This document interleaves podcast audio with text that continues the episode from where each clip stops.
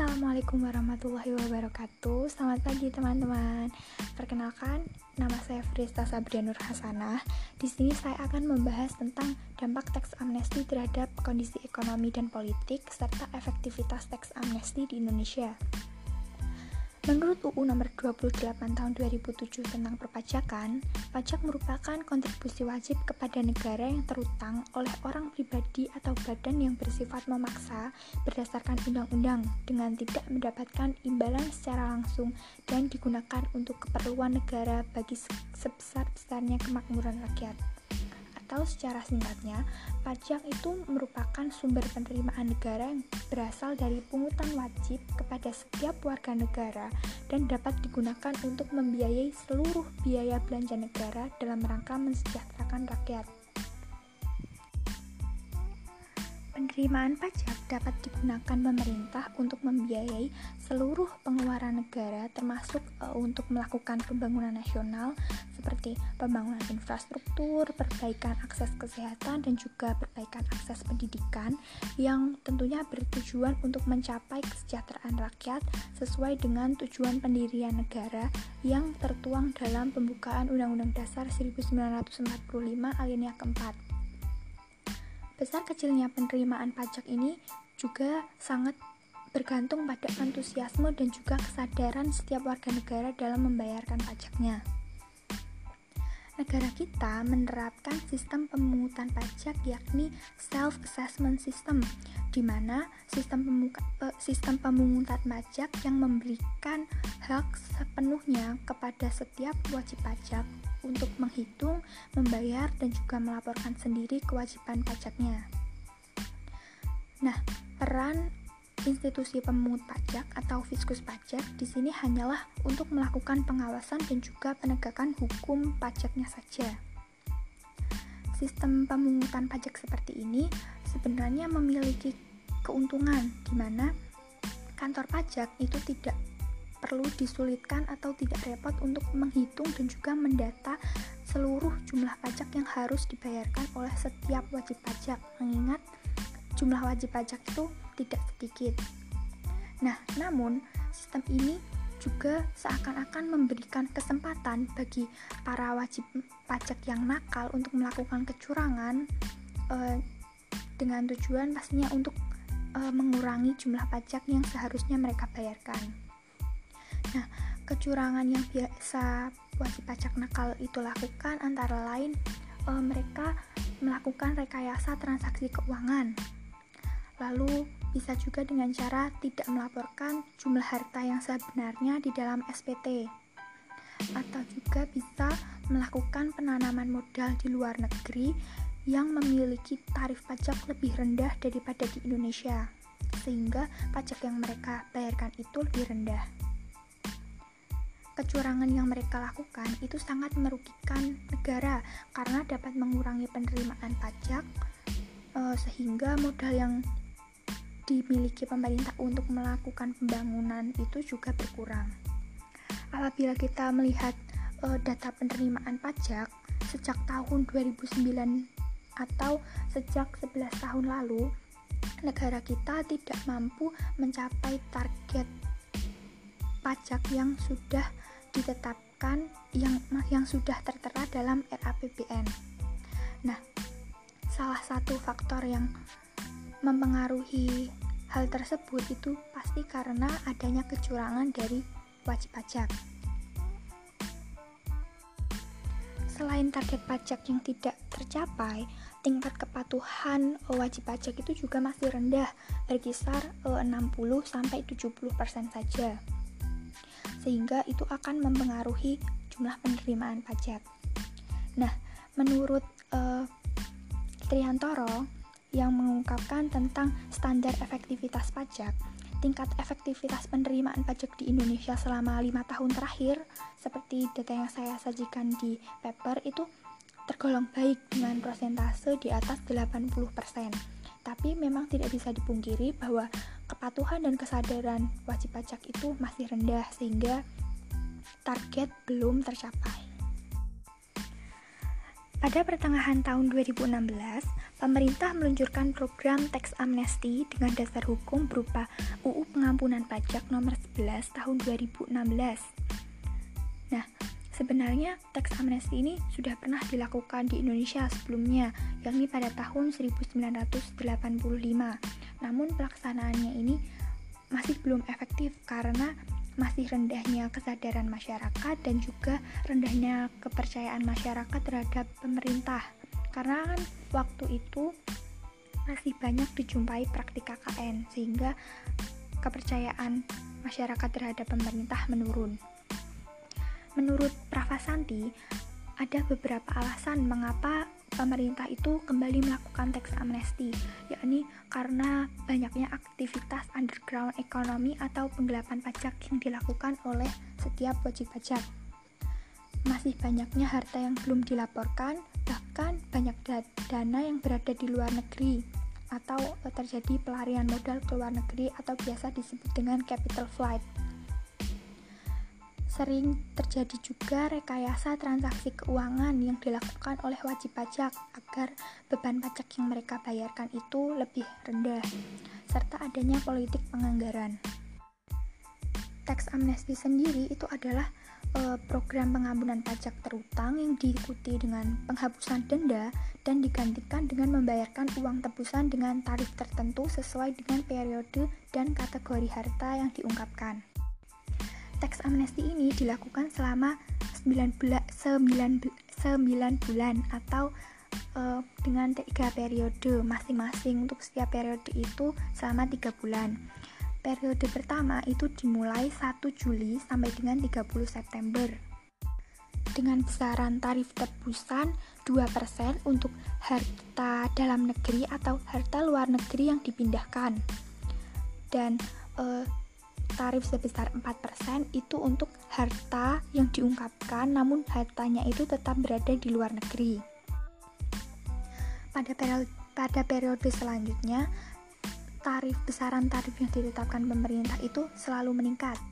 Nah, periode kedua ini dimulai 1 Oktober sampai dengan 31 Desember 2016, periode ketiga 1 Januari sampai dengan 31 Maret 2017. Program teks amnesti ini diikuti oleh 972.530 wajib pajak. Jumlah uang tebusan uh, dari tiga periode ini mencapai 134,99 triliun atau uh, dengan rincian pada periode 1 97,22 triliun periode kedua 12,28 triliun dan periode ketiga atau periode terakhir itu sebesar 25,50 triliun.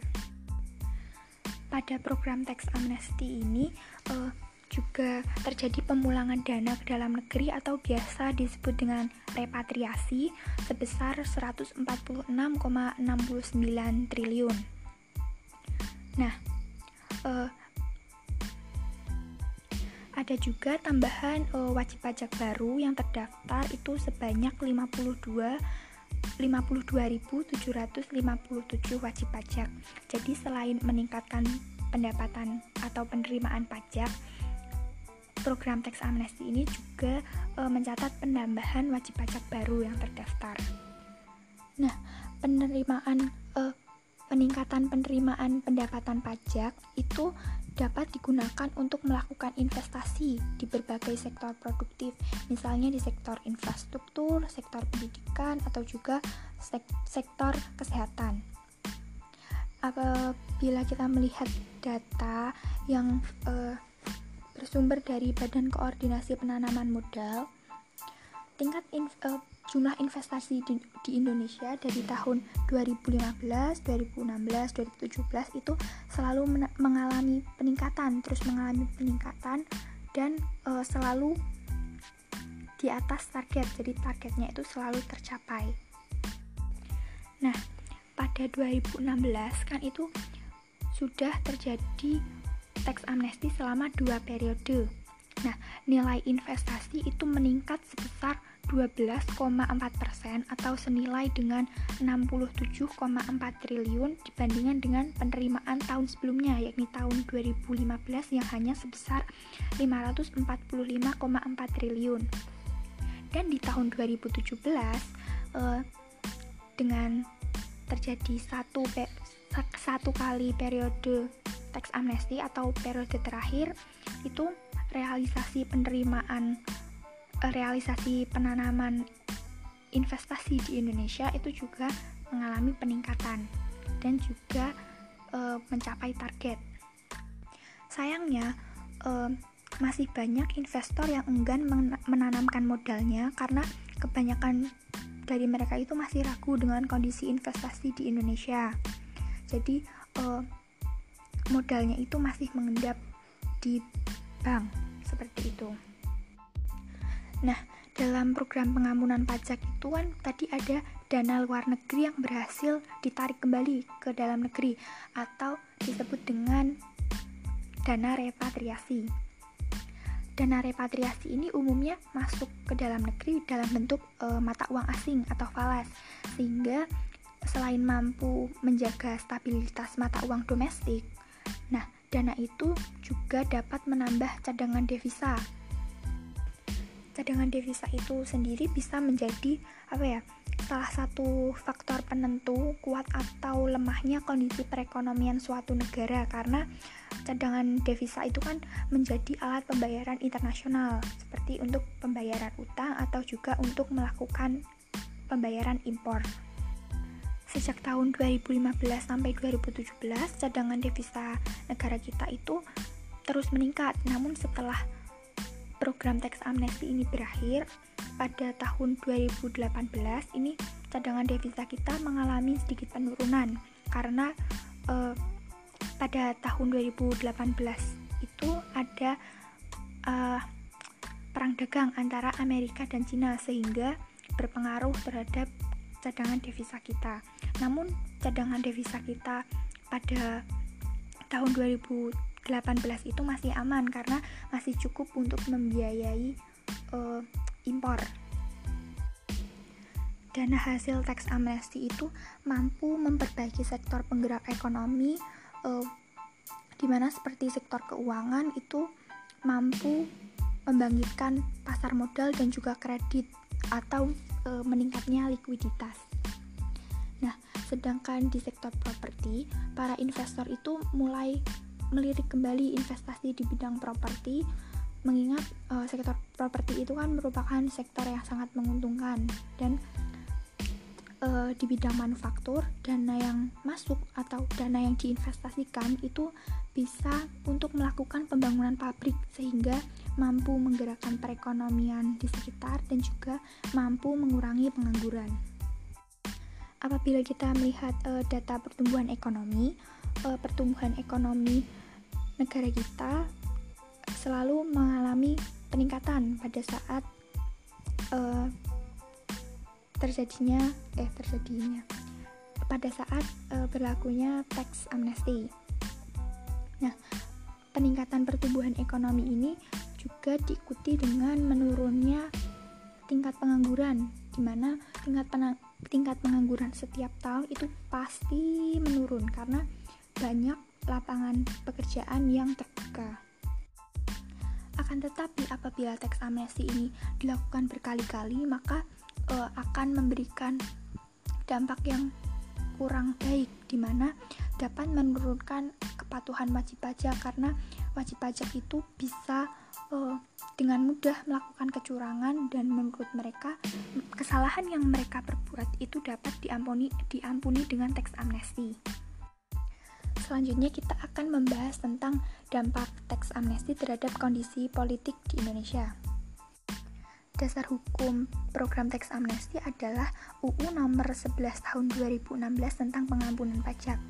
Nah, program ini dijalankan pemerintah pastinya sudah dilakukan koordinasi dengan instansi terkait seperti Kementerian Keuangan dan juga Direktorat Jenderal Pajak agar program ini dapat terlaksana dengan baik dan sesuai harapan dan hasil teks amnesti atau uang rakyat ini harus dikelola dengan sebaik mungkin agar dapat digunakan untuk membiayai pembangunan uh, nasional sesuai dengan tujuan awal dan uh, juga harus bersih dari praktik korupsi. Karena dengan adanya korupsi maka kepercayaan masyarakat itu akan menurun dan uh, dengan adanya korupsi maka pembangunan nasional itu uh, tidak mudah untuk dilakukan karena dana dananya itu akan berkurang kebijakan teks amnesti ini sendiri juga sebenarnya uh, memunculkan pro kontra di mana program teks amnesti ini dianggap sebagai program yang melindungi uh, para koruptor. Kan kita tahu kebijakan teks amnesti ini bisa diikuti oleh semua warga negara tanpa terkecuali. Nah, tidak menutup kemungkinan koruptor itu bisa mengikuti program ini padahal uh, dana atau hasil korupsi yang dilakukan oleh para koruptor itu apabila di lakukan amnesti pajak, maka hal itu akan bertentangan dengan UU tindak pidana korupsi. Akan tetapi, menurut uh, mantan Menteri Keuangan, yaitu Bapak Bambang Brojonegoro, yang beliau mengungkapkan bahwa program teks amnesti ini tidak melihat sumber dananya dari mana. Dan program ini juga tidak menghilangkan pidana atas tindak korupsi yang dilakukan oleh para koruptor. Jadi hanya untuk mengampuni denda pajaknya saja, bukan menghapuskan sanksi pidana. Nah, untuk memperkuat uh, sistem perpajakan yang ada saat ini, pemerintah uh, sudah berupaya untuk menerapkan sistem pertukaran informasi otomatis atau atau automatic exchange of information dengan Eh, negara-negara anggota G20 lainnya sehingga uh, harapannya dengan bekal data tersebut pemerintah itu akan lebih cepat mengetahui aset WNI yang berada di luar negeri sehingga pemerintah dapat mengambil tindakan berupa misal penyelidikan atau penegakan sanksi untuk mengatasi kecurangan tersebut tanpa harus menunggu diberlakukannya program teks amnesti kembali karena kita ingat program teks amnesti yang dilakukan berkali-kali itu akan dapat menurunkan kepatuhan wajib pajak. Baik, eh, sekian yang dapat saya sampaikan. Apabila ada kekurangan, saya mohon maaf. Apabila ada pertanyaan, bisa langsung ditanyakan. Terima kasih atas perhatiannya. Wassalamualaikum warahmatullahi wabarakatuh.